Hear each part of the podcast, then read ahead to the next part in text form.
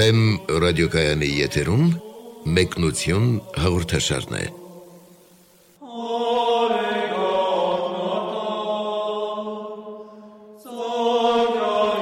Սիրելի ունկնդիրներ, Վեմ ռադիոկայանի եթերում մեկնություն հաղորդաշարն է։ Ձեզ հետ են արժանապատիվ Տեր Մեսրոպ Քահանա Արամյան եւ Արա Սարգսակ Նալչաջյանը։ Այսօր կխոսենք Սուրբ Պողոս Առաքյալի Հռոմեացիներին ուղված թղթի 12-րդ գլխի մասին, որտեղից ընտրել ենք հետեւյալ բնաբանը. Բարով հաղթիր չարին։ Օրհնյա Տեր հայր։ Աստված օրհնի։ Տեր այդ ահա մեր այս զրույցների շարքը հասավ Պողոս Առաքյալի Հռոմեացիներին ուղված թղթի 12-րդ գլխին, որը ընդհանուր առմամբ հակիրճ մի գլուխ է, սակայն շատ խիտ բովանդակությամբ եւ նրա յուրաքանչյուր խոսքը կարծես արդեն թևավոր խոսքի ուժ ստացած մի արտահայտություն է եւ թերևս իր առանձին մեկնության կարիքն ունի։ Ոստի սկսենք այդ գլխի քննարկումը, բացատրությունները, եթե հնարավոր լինի ամբողջությամբ ավարտելով այն եւ եթե ոչ շարունակությունը թողնելով հաջորդիվ։ Աղաչում եմ ձեզ եղբայրներ, ողորմությամբ Աստծո, որ պատրաստեք ձեր մարմինները որպես զոհ կենթանի, սուրբ Աստվածահաճո։ Այդ է ձեր բանական աշտամունքը։ Եվ այս աշխարհի կերպարանքով մի կերպարանվեք, այլ նորոգվեցեք ձեր մտքի նորոգությամբ, որպեսի դուք քնեք լավը, եւ թե ինչ է Աստծո կամքը, բարին եւ հաճելին եւ կատարյալը։ Ահա այստեղ առաքյալը խոսում է կենթանի զոհ հասկացության մասին, որը ունի որոշակի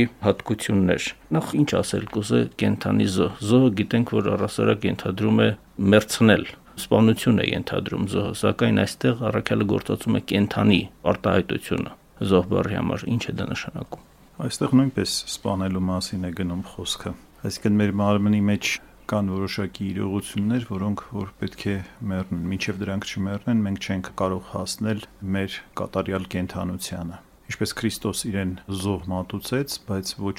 մահվան համար զոհ մատուցեց, այլ հարության համար եւ մեր հոգիների հարության համար։ Այդ իսկ պատճառով հենց այդ բառն է գործածվում։ Հետաքրքրական է, որ գրափարյան բնագրի մեջ, որ իհարկե նույնն է, բայց ասում է պատրաստել զմարմինս ձեր պատարակ կենթանի Այսինքն այստեղ հենց այդ պատարակի խորհուրդն է դրված, որ մարդկային կյանքը պետք է լինի հանապազ պատարակ Աստծո համար։ Սա նշանակում է, որ մենք պետք է մեռնենք մեղքի համար, այսինքն մեր զգայարանները պիտի դադարեն մեղքին ծառայելուց, մեր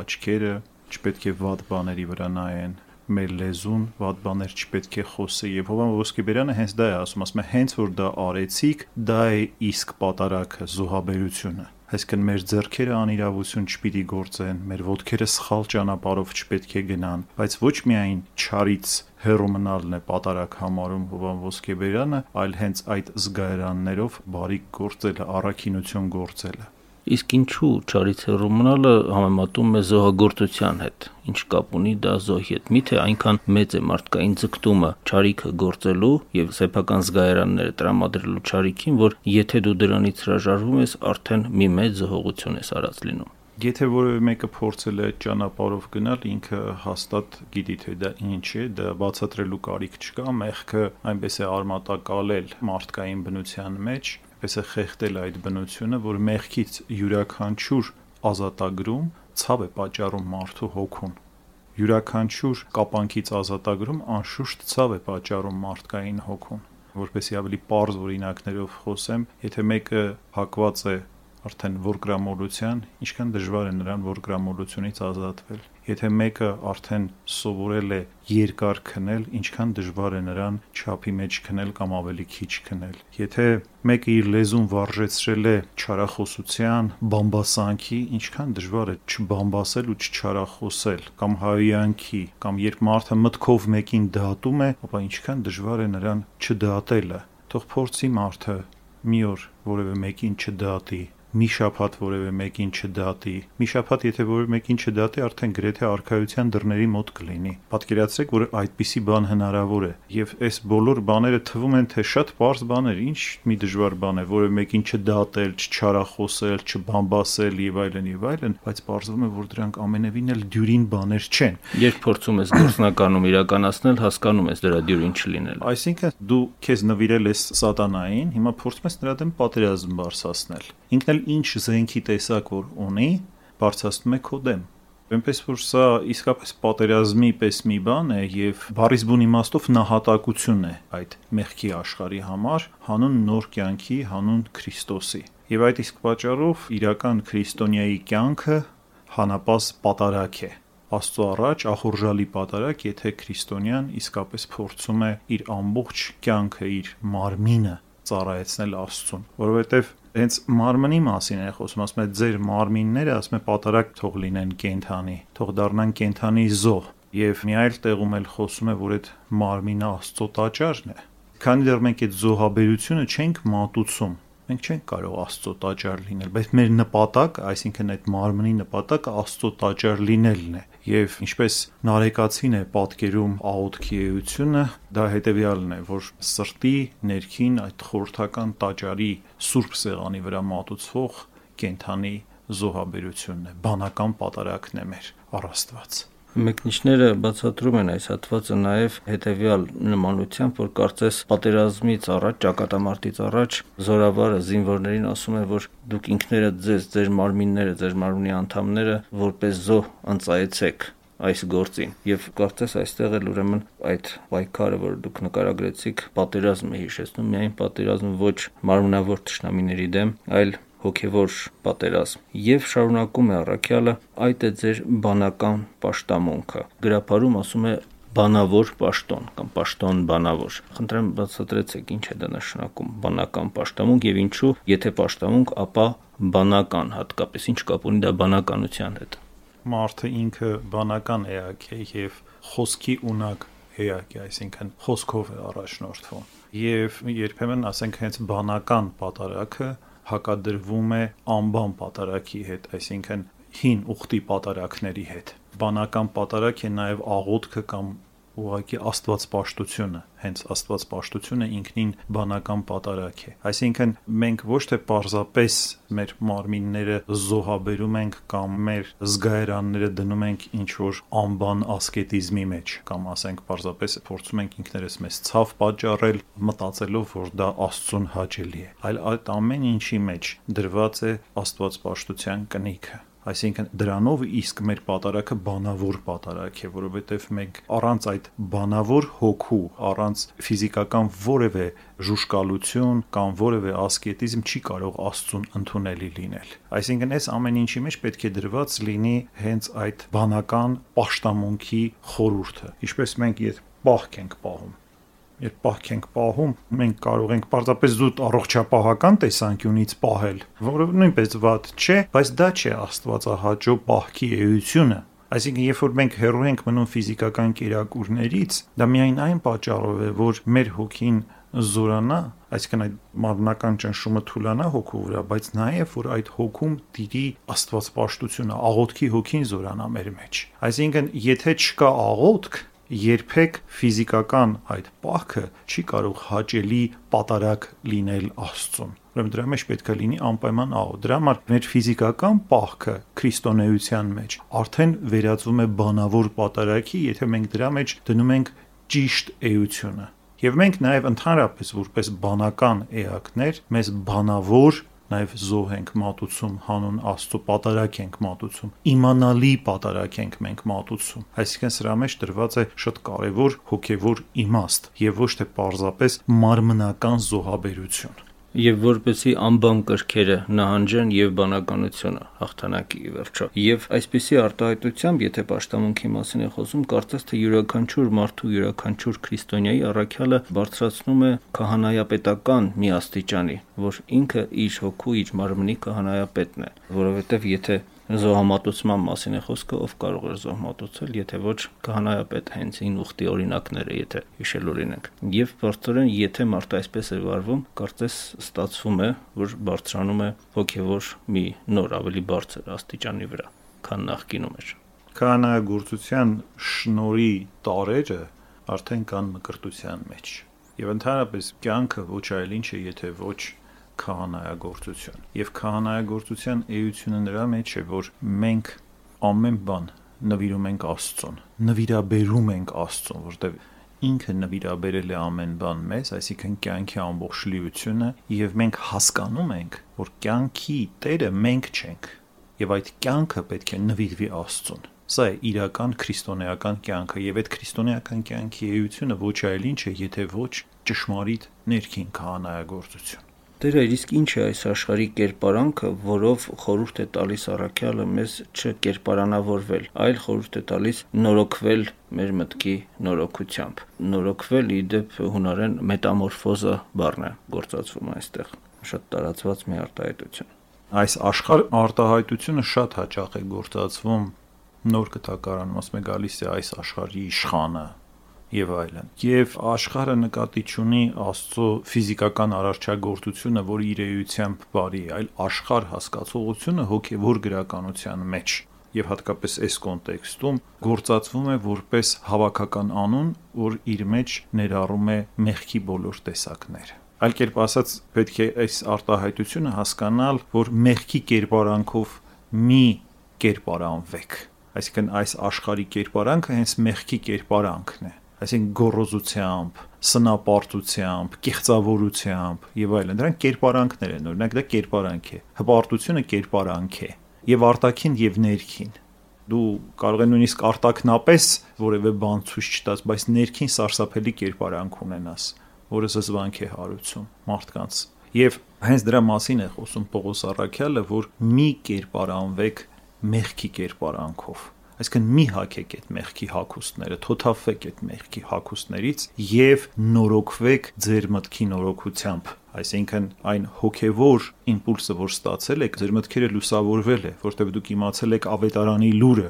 իմացել եք ճշմարտությունը եւ ուրախացել եք դրանով, ցնծացել եք։ Ուրեմն ոչ միայն դրա վրա մնացեք, որ ընդամենը, այսպես ասած, մի փոքր ողքեվորվեցիք ավետարանական խոսքով, այլ փորձեք այդ ձեր մտքի լուսավորությունը այդ ավետարանի ամբողջ լույսը տարածել ձեր ամբողջ մարդկային էության մեջ, կերպարանվել դրանով։ Այսինքն ոչ միայն ձեր մտքերը փոխեք, այլ ամբողջապես հակեք այդ լույսը, հոգևոր լույսը։ Սա է նորոգությունը։ Եվ այնուհետև շարունակում է ասում է քննելով, թե ինչն է լավը եւ ինչն է Աստծո կամքը եւ ինչ է հաճելի եւ կատարյալ։ Այսինքն դա միայն բավական չէ որ դու թոթափվում ես այս աշխարհի կերպարանքներից, մեղքի կերպարանքներից, այլ նաև ամեն պահի մեջ, քո կյանքի ամեն մի թրթիռի մեջ դնում ես քննության պահ, որոնման պահ Իսկ դա մեծ ճիք է քեզանից պահանջում Աստված պաշտական մեծ ճիք, որտեղ անմիջապես այդ իրողությունները չեն բացում, թե որն է բարին, որն է լավը, որն է Աստվածահաճոն, եւ վերջո որն է Աստծո կամքը այս պահի մեջ, որտեղ ամեն մի պահ մեր արժև դնում է ընտրության հարց։ Եթե մենք չունենք այդ լուսավորությունը, մենք այդ պահի ընտրությունը կատարում ենք ըստ մեզ տված գիտության կամ ըստ մեզ բացված հայտնության, գրքերով, ուսուցումներով եւ այլն եւ այլն, բայց միայն սա բավարար չէ։ Այսինքն ամեն պահի մեջ մենք պետք է գործադրենք որոշակի ճիք, աստվածպաշտական ճիք։ Ոչ թե ասենք ավետարանում ինչ է գրված կամ հայրերը ինչ են անում, այսպես пассив տարապաշտությամբ զբաղվենք կամ օրինապաշտությամբ զբաղվենք, այլ փորձենք հասկանալ այս պահին Աստված ինչ է ասում մեզ այս պահին ո՞րն է ճշմարիտ առաջնորդությունը եւ բռնենք այդ առաջնորդության ձեռքից եւ շարժվենք առաջ իսկ ինչու դեր այդ այդ աստծո կամքի քնության հորդորին նախորդում է նորոգվեցեք ձեր մտքի նորոգությամբ արտահայտությունը արդյոք դա նշանակում է որ եթե մարդ այսպիսի նորոգության գործընթացով չանցնի ապա չի կարող հասկանալ աստծո կամքը Դրա մասին արդեն խոսեցինք։ Ամեն բանի սկիզբը գալիս է մտքի նորոգությունից։ Այսինքն մտքի մեջ գծված այդ աստվածային ուսուցման սերմերից, մտքի լուսավորությունից։ Մենք հասկացանք որն է հավատքի ճշմարտությունը, որն է վեհությունը հավատքի եւ սկսեցինք հետեւել ավետարանի խոսքին։ Հիմա այդ մտքից ստացած հոգևոր իմպուլսը, այդ ուսուցումը, որ մենք ուսուցանվեցինք մտքով, պետք է տարածել ամբողջ մեր մարդաբանական կառույցի վրա ամբողջովին լուսավորվել, նորոգվել։ Այդ մտքի նորոգությունը հենց հոգևոր նորոգությունն է։ Եվ այդ պատճառով Պողոս Արաքյալը ասում է, որ նորոգվեցեք, այսինքն դարձեք նորը այն նորոգությամբ, որը որ դուք ստացել եք արդեն որպես ուսուցում, այսինքն ավետարանի նորոգությամբ պետ է մտքի նորոգությունը, այդ իմանալի նորոգությամբ նորոգվեք ամբողջովին։ Տերեջ աշխարհ արտահայտությունը դուք ներկայացրեցիք որպես մեղքի աշխարհ, սակայն արդյոք միայն սա է նկատի առնում Աստվածաշունչը, ոչ արդյոք նաև այն բնական աշխարհը, որը թեև մեղքի ոլորտին չի պատկանում, սակայն հարափոփոխ է շարունակ փոփոխվում է եւ մնայուն ինչ որ բան չկա եւ զուտ կարծես արտակին մի շղարշ լինի եւ որ եթե դու քո էությունը քո կյանքը կապես այդ արտակինի հետ եւ չփնտրես այն բուն ներքինը դրա ներքին բուն հոգեվորեությունը, ապա դու կարծես ամուր հենքի վրա կանգնած չես։ Մասնավորապես հիշենք դերոնական այն խոսքը, թե գնացեք աշխատեցեք ոչ թե կորստական կերակուրի համար, այլ այն կերակուրի համար, որ հավիտենական կյանքի մեջ է մնում։ Չէ՞ որ այդ կորստական կերակուրը ինչ որ մի վատ բան չէր, չար եւ մեղսալից բան չէր, սակայն դա մնայուն չէր։ Այդպիսի երանգ էլ մենք կարող ենք տեսնել առաքելական այս խոսքով, այսինքն մի կերպարանվեք այս աշխարհի կերպարանքով, որ մի հետևեք զուտ նյութականին, որը կորստական է։ Այսինքն մի փորձեք հակնել կամ տրվել այդ նյութականին, այլ փորձեք հոգևոր նորոգությամբ զարդարվել, որովհետև դա է հավիտենականը։ Ուրեմն այս երանգն էլ կա այս խոսքի մեջ, որ հոգով խորհենք եւ հավիտենականի մասին խորհենք, այսինքն ոչ թե երկրավոր գանձեր դիզենք, որ այսօր կա կամ վաղը չկա, այլ այնպիսի գանձեր դիզենք, որ ցեցը չի ապականում եւ գողերը չեն կարող հապշտակել։ Տերեջ խոսելով Աստծո կամքի մասին, առաքյալը 3 արտահայտություններ է բերում, որոնք դարձյալ կարծես թևավոր խոսքի ուժ են ստացել։ Աստծո կամքի մասին նա ասում է. բարի, հաճելի եւ կատարյալ։ Ինչու հատկապես բարի, ինչու հատկապես հաճելի եւ ինչու հատկապես կատարյալ, ինչու այս երեքը։ Նախ Աստծո կամքը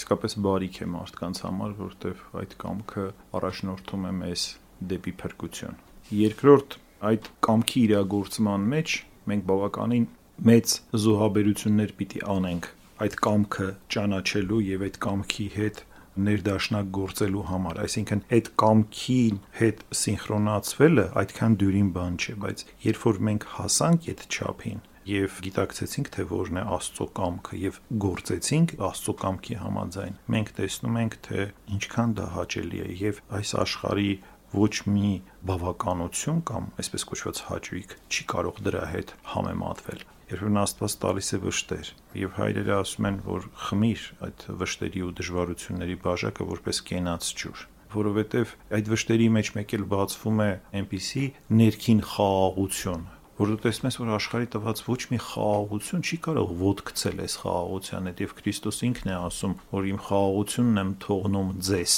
ոչ այնպես ինչպես այս աշխարհն է տալիս նշանակում է աստծո խաղաղության ու այս աշխարհի թվացial խաղաղությունների մեջ մեծ հակասություն կա աստծո խաղաղությունը լի է աստծո խաղաղությունը պատղաբեր է աստծո խաղաղությունը էություն է այս աշխարհի խաղաղությունը դատարկություն է անպտուղ է Եվ այս առումով դրանք իրար հետ անհամեմատելի իրողություններ են, այլապես մարդիկ չէին թողի աշխարհիկ վայելքները, շատերը եղել են մեծահարուստներ, չէին գնա անապատ ճկնելու, անգամ արքաներ։ Հա, եւ դառնում էին ճկնավոր եւ երբևիցե չէին ուզում հետ վերադառնալ այդ աշխարհիկ հաճույքներին։ Որ նշանակում է իրենք իրենց համար լավ առումով շատ ավելի հաճելի բան էին բացահայտել, քան այդ աշխարհիկ հաճույքներն են։ Դրա համար Նաև ուրեմն Աստծո կամքը իսկապես հաճելի է եւ անշուշտ Աստծո կամքը կատարյալ է, որովհետեւ դա միակ ուժն է, որը առաջնորդում է մեզ դեպի կատարելություն։ Հաղորդակցվելով այդ Աստծո կամքի հետ նախ առաջի բանը, որ դու զգում ես քո իսկ սեփական անկատարությունը, քո կամքը կիրառելու դատարկությունը եւ միայն Աստծո կամքը կիրառելով է, որ դու հասկանում ես, որ քո գործերը ինչ որ մաս են կազմում, որոշակի կատարելության առաջնորդում են քեզ դեպի այդ աստվածային կատարյալ իրականությունը։ Եվ մարդու մեջ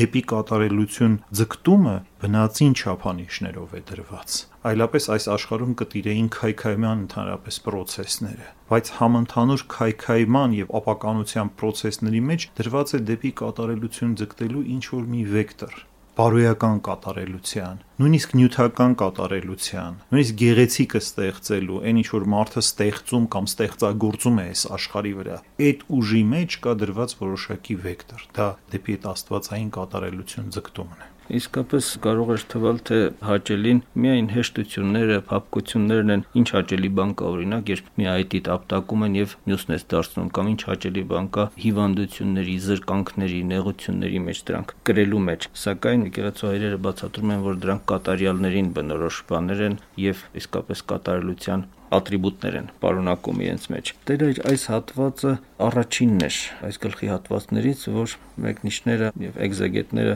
առանձնացնում են մեկնելու համար այս գլուխը հաջորդ հատվածը հետեւյալն է. Աստծո ինձ տված շնորհով այս եմ ասում ձեզնից յուրաքանչյուրին. դուք ձեզ ավելի մի գնահատեք քան ինչ որ է ձեր արժանիքը այլ յուրաքանչյուրը ձեր մասին խորեցեք զգաստությամբ այն հավատի չափով որ Աստված բաժանեց ինչպես մի մարմնի մեջ բազում անդամներ ունեք եւ բոլոր անդամները նույն գործը չեն անում այդպես եւ մենք թվով շատ մի մարմին ենք Քրիստոսով բայց յուրաքանչյուրս միմյանց անդամ ենք բայց մենք ունենք տեսակ-տեսակ պարգևներ, ըստ այն շնորների, որ տրված են մեզ։ Եթե մարգարեության շնոր է, ըստ հավատի չափի, եթե ծառայության, թող ծառայի, եթե մեկն ուսուցանում է, թող ուսուցանի, եթե հորդորում է, թող հորդորի, ով առատաձեռն է, թող անի զվարթությամբ, ով վերակացու է փութաջանությամբ, ով ողորմում է խնդությամբ նախ ինչու առաքյալը ոչ թե պարզապես դիմում է իր նամակ ընթերցողներին, մեզանից յուրաքանչյուրին, քանի որ նաև մեզանից յուրաքանչյուրին ուղղված այս խոսքը։ Ինչու ոչ թե պարզապես ասում է իր ասելիք, այլ Աստծո շնորհն է վկայակոչում խոսքը ասելուց առաջ։ Եվ մեկ այլ տեղ Աստծո ողորմություն Ընդհանրապես Պողոս Արաքյալը շատ է գործածում այս արտահայտությունը Աստծո շնորհով ինքը առաքյալ է կամ ինքը ներկայանում է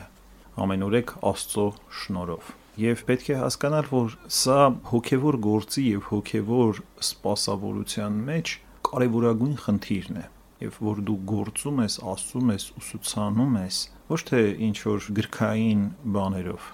ստեղից ընդեղից վերցնելով եւ հոգևորի իմիտացիաներ ստեղծելով, այլ կենթանի Աստծո շնորհով։ Այսինքն կենթանի կապով Աստծո հետ։ Եվ դրա միակ ապացույցը հենց Աստծո շնորհն է կա թե չկա, որտեղ այդ շնորհով գործվում են բազմաթիվ գործեր եւ դրանցից ամենակարևորը տեղի է ունենում մարդկային հոգիների այդ ներքին վերափոխման հրաշքը, այդ շնորհի կենթանի ներգործությամբ։ Այն մտքի նորոգությունը, որի մասին ասում էր Դու եկել ես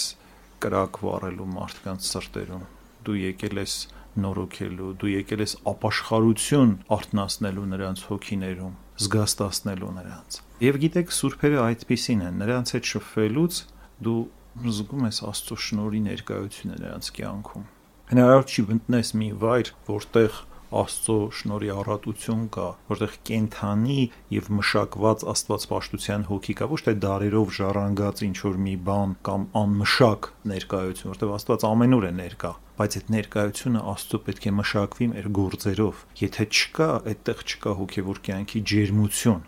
Եվ այս առումով շատ կարևոր է, որ մարդ իր աստված պաշտությամբ համագործակցի աստվածային շնորհի հետ եւ երբ մտնում ես մի վայր որտեղ իսկապես կա այդ համագործակցությունը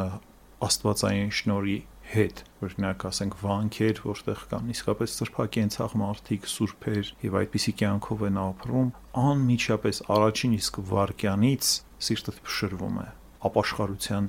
մեծ զգացողություն է իջնում քո վրա անընդհատ աղոթելու ես ձգտում մարմնական վայելքները կամ ընդհանրապես մարմնական հանգիստը, չասենք վայելքը, միանգամից գունազրկվում է քեզ համար։ Այսինքն անմիջապես կարիք ես զգում հոգով նորոգվելու եւ Աստված պաշտությամբ նորոգվելու։ Եվ դրա համար Պողոս Արաքյալը հաճախ վկայակոչում է այդ Աստծո շնորհը, որ ինքը պարզապես ոչ թե առաքվել է մարդկանց ուսուցանելու, այլ եկել է Աստծո կենթանի շնորհով։ Այդ կենթանի շնորհի գավազանը նրա ձեռքին է Եվ այնուհետև Պողոս Արաքյալը ասում է, որ ձեր մասին առավել մի խորհեք,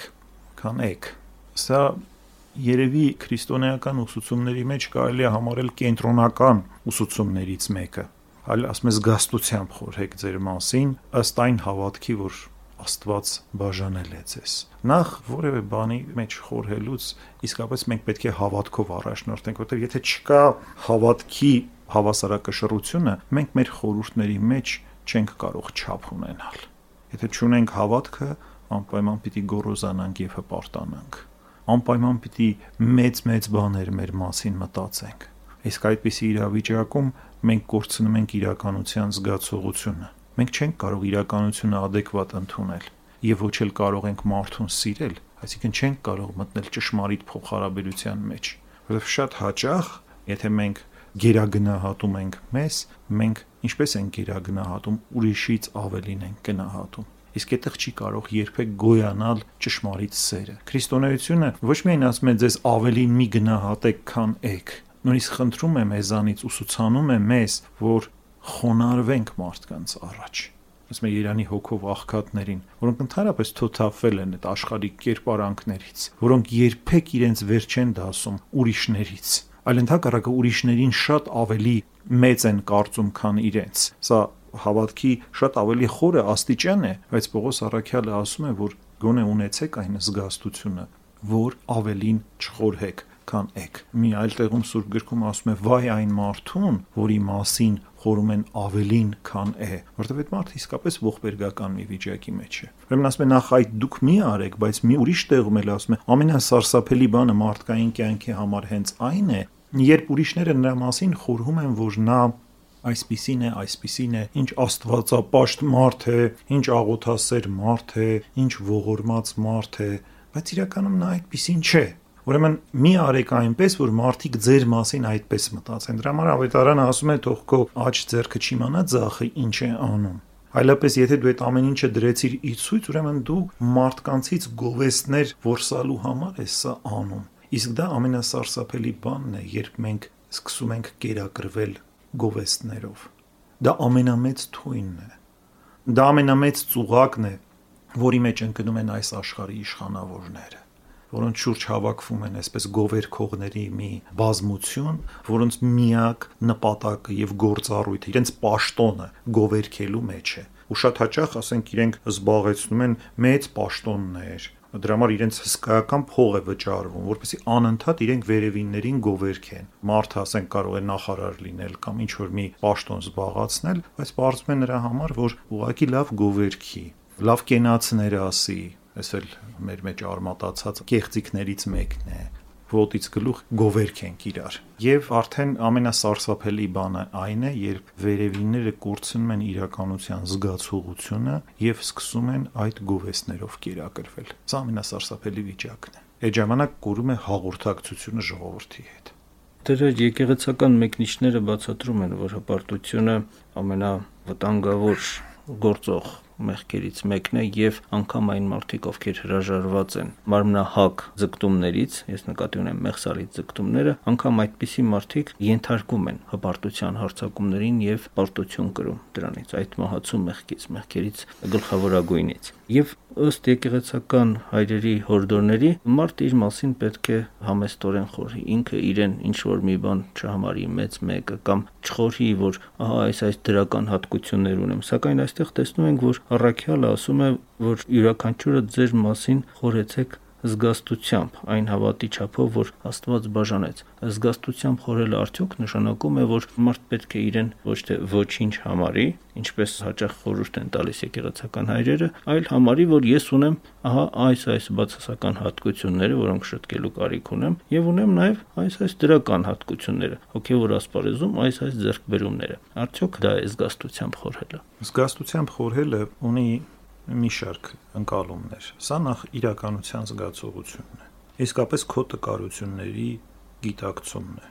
Բայց նաև ոչ միայն քո տկարությունների գիտակցումն է, այլ նաև քեզ տրված աստվածային ապարքևների գիտակցումն է, որտեվ Աստված ինչ որ բաներ է քեզ տվել ինչ որ շնորհներ, ինչ որ ապարքևներ, ինչ որ ունակություններ, որpեսի դու հասկանաս թե ինչ ունակություններ դու ունես, ինչ կարողություններ դու ունես եւ այդ կարողությունները իսկապես աստվածպաշտության հոգով զարգացնես, իսպաս դնես Աստված պաշտության։ Բայց նաև զգաստությամբ խորհելը այն է, որ եթե քեզ տրված են ինչ-որ ունակություններ կամ ինչ-որ շնորներ են տրված, հանգարց դրանցով չխափվես, որ դու դրանցով կարող ես փրկության արժանանալ, այլ հասկանաս, որ միայն զգույշ եւ ճիշտ գործադրման դեպքում է, որ դու կարող ես դրանք ծառայեցնել Աստծուն։ Եթե չանես, միգուցե դրանք ավելի դյուրությամբ դառնան քո կործանման պատճառ, քան թե փրկության պատճառ։ Անկամ եթե հստակորեն դրսևորվող կոնկրետ աստվածային որևէ շնոր է դա, այո։ Որովհետև նույնիսկ ավելի լավ է վախենալ նրանից ինչ որ ունես, քան նրանից ինչ որ չունես, որտեվ ինչ որ ունես, դա կարող է լուրջ նաև քեզ համար խնդիր դառնալ Այսինքն, օրինակ, գեղեցկությունը կարող է շատ լուրջ գայթակղության պատճառ դառնալ։ Աստված քեզ տվել է գեղեցկություն, մարմնական գեղեցկություն է տվել։ Բայց ինչպես անես, որ դա հոգևորին ծառայի եւ ոչ թե քեզ համար կործանման պատճառ դառնա եւ նաեւ ուրիշների համար կործանման պատճառ դառնա։ Դրա համար հիշում եք Համլետի ու Օֆելիայի այդ երկխոսության մեջ Շեքսպիրի Համլետ ողբերգության մեջ ասում է գեղեցիկ ես առաքինի ես, երբ Օֆելիան չէր հասկանում թե ինչի համար է Համլետը դա ասում, ասում ապա ես քեզ ասում եմ, որ քո գեղեցկությունը ոչ մի առնչություն չպետք է ունենա քո առաքինության հետ, որովհետև ասում է ավելի շուտ քո գեղեցկությունը կարող է քո առաքինությունը անառակության վերածել։ Եվ այդ գայթակղությունը կա, Դրա համար պետք է շատ զգուշ լինել։ Եվ այն թերությունների համար, որ դու ունես, եւ պետք է գիտակցես, թե դու ինչ թերություններ ունես, եւ թե այն առավելությունների համար, որոնք իբրև թե առավելություն են, բայց ի վերջո կարող են ավելի սարսափելի լինել մարդու համար, քան նրա բոլոր թերությունները միասին վերսած։ Դրա համար ասում է, որ զգաստությամբ, բայց դրա վրա ավելացնում է ավելի կարևոր բան, այստեղ սթափ դատողությունը միայն բավարար չէ։ Ասում է ըստ հավատքի այն չափի, որ Աստված ձեզ տվել է, այսինքն հավատքով պիտի նայես այդ իրողությունների վրա, թե ինչպես է այդ ամենը ծառայում Աստծուն եւ ինչպես է այդ ամենը դառնում քեզ համար փրկության գործիք այսինքն հավատքով հոգևոր գիտակցությամբ այդ ամեն ինչին պետք է մոտենանք Եվ այս խոսքերից հետո առաքյալը անցում է կատարում այն գաղափարին, որ մենք, այսինքն եկեղեցին, մենք ասելով դա նկատի ունի առաքյալը, թեև մեկ մարմին ենք, մեկ ամբողջություն ենք, բայց բազում անդամներ ունենք եւ անդամների յուրաքանչյուրը իր գործառույթը ունի։ Ինչու է պայմանավորված այս անցումը, որ հավատքի չափով զգաստության խորհելուց հետո անմիջապես առաքյալը այսպիսի կարծես շրջադարձ է անում եւ անցնում է հետեւյալ մտքին եւ մանրամասնորեն նկարագրում թե ինչպիսիք են այդ տարբեր գործառույթները բացի նրանից, որ դու քո ներքինը պետք է քննես, նաև պետք է հասկանաս, թե որպես ամբողջություն դու ինչ ես քեզանից ներկայացնում եւ ինչ հատուկ սպասավորություն ունես։ Եվ այստեղ Արաքյալը մի շատ կարեւոր բան է ասում, որը ինքը տարբեր անգամներ կրկնում է այս միտքը տարբեր թղթերում, որ մենք Քրիստոսի մարմնի անդամներն ենք։ Եվ ստացվում է, որ Քրիստոսի այդ խորհրդական մարմինը, որ է եկեղեցին, նրա միստիկ մարմինը կազմված է կենթանի քարերից եւ մարդիկ այդ կենթանի քարերն են այսինքն Քրիստոսի մարմինը կառուցված է մեզանով մենք մաս ենք դրա Սրանից ավելի մեծ բան մարդը իր մասին հնարավոր չէ որ պատկերացնի եւ սա է հավատքով խորհելու արդյունքը ավելի մեծ բան հնարավոր չէ երբ քեզ տրված է աստվածային կառույցի մաս հանդիսանալ այսինքն աստվածայինը քեզանով է կառուցվում եւ հենց այս մտքով ենք մենք նայում ինքներս մեր վրա մենք հասկանում ենք մեր կյանքի վեհությունը եւ նաեւ ինչ անելն է հասկանալ այդ առնում նախ մենք եթե մի մարմնի անդամներ ենք, ինչպես պետք է վերաբերվենք իրար, եթե անդամի մի մասը ցավում է, ցավը տարածվում է ամբողջ մարմնի վրա, չէ՞։ Եվ եթե մարմինը առողջ է, ուրեմն այդ անդամներից յուրաքանչյուրը առողջ է։ Սա նշանակում է, որ մենք յուրահատուկ կապանքներ ունենք իրար հետ, կապեր, եւ վշտերն են փոխանցվում, եւ առողջությունն է փոխանցվում եւ նորոգությունն է փոխանցվում ուրեմն շատ զգուշ պետք է լինենք որպեսի ցավ չպաճառենք ուրիշներին, որպեսի պատճառ չդառնանք, որ մեր միջոցով այդ բացիլները տարածվեն ամբողջ մարմնի վրա, որպեսի մարմինը հանգարց չհիվանդանա։ Բացի դրանից այդ ամենամեծ կապը այդ անդամների մեջ որ կա, դա պարզապես այսպես ինչ որ ֆիզիկական կապ չէ, այլ հոգևոր կապ է եւ դա սիրո կապ է Եթե մենք անդամներ ենք, ուրեմն միմյանց նկատմամբ անպայման պետք է սեր ունենանք, որտեղ սերն է այն շաղախը, այն կապը, որով որ մենք իրար կապակցված ենք եւ դարձել ենք մեկ ամբողջական մարմին։ Եվ նաեւ սա մեզ համար ուսուցում է, որ մենք պետք է հավաքական գիտակցություն ունենանք Այսինքն քրիստոնեությունը դա անհատական գիտակցություն չէ, փրկության ճանապարհը դա անհատական ճանապարհ չէ, դա էկլեզիան է, դա եկեղեցին է, որ Աստված հաստատում է այս աշխարհի վրա։ Դրա հիմքը ճշմարիտ հավատքի դավանությունն է, բայց ամբողջ այդ ընթացքում մենք առաջնորդվում ենք այդ եկեղեցական հավաքական գիտակցությամբ եւ Աստված իր շնորհները դրեց հենց այդ հավաքի մեջ պատարակի խորհուրդը չտվեց ամեն մի մարդու ասեց ոնց ուզում ես արա կամ մկրտության խորհուրդ, այլ իր շնորհաբաշխությունները դրեց եկեղեցու հավաքականության մեջ։ Սա նաև մեզ ուսուցում է հավաքական մտածելակերպի ընդհանրական շահի փնտրման, որտեղ անհատական շահ որպես այդպեսին գոյություն չունի։ Եթե չկա ընդհանրական շահի հասկացողությունը, երբեք անհատի շահը չի կարող իրագործվել։ Սա մեզ ուսուցում է ամբողջ պատկերը տեսնել, ոչ թե մասնակիությունների մեջ մոլորվել։ Ասում է, եթե դու ամբողջ պատկերը չես տեսնում, չես գիտակցում, որ դու ամբողջի մաս ես, ճունես այդ հավաքական գիտակցությունը, դու չես կարող երբեք գիտակցել, թե դու նաև ով ես եւ կյանքիդ նպատակը ով է, որտեվ այդ ամբողջը մի մեծ նպատակի մեջ է դրված։ Տերեր խոսեցիք սիրո մասին եւ այդ մասին է այս թղթի հաջորդ երրորդ բաժինը, որ առանձնացնում են մեկնիշները, որին մենք եթե կարելի անդրադառնանք մեր հաջորդ զրույցի ընթացքում, իսկ այս բաժնի վերաբերյալ եւս մեկ վերջին փոքր հարց, այստեղ առաքյալն ասում է, ով հորդորում է հորդորի, ով ուսուցանում է ուսուցան, ինչ տարբերություն հորդորելու եւ ուսուցանելու միջև նույն բանը չէ՞ միթե։ Դրանք տարբեր բառեր են, հորդորը այլ բան է, ուսուցանելը այլ բան է։ Հորդոր դու կարող ես մեկին որ падգամ տալ կամ որ մեկին ինչ որ իմպուլս տալ, պատճառ լինել, որ այդ մարդը մեկ էլ հանկարծ արթնանա, բայց դու չես կարող շատ հաճախ նրան ուսուցիչ լինել։ Հետո շնորհի որոշակի տեսակ է վարթապետություն, ուսուցումը։ Եվ ավելին ասեմ, որ ամեն մարդու դա տրված չէ,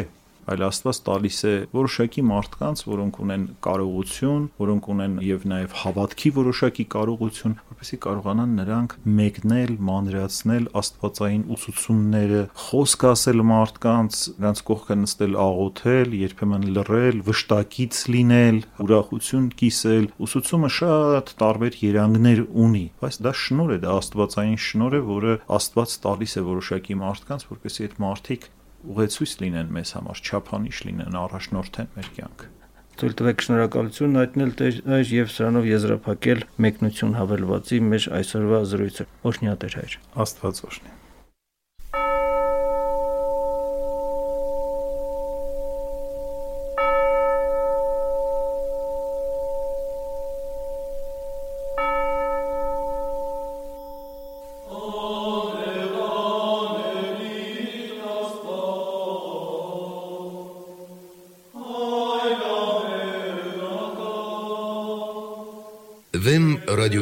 եթերում մեկնություն հաղորդաշարներ։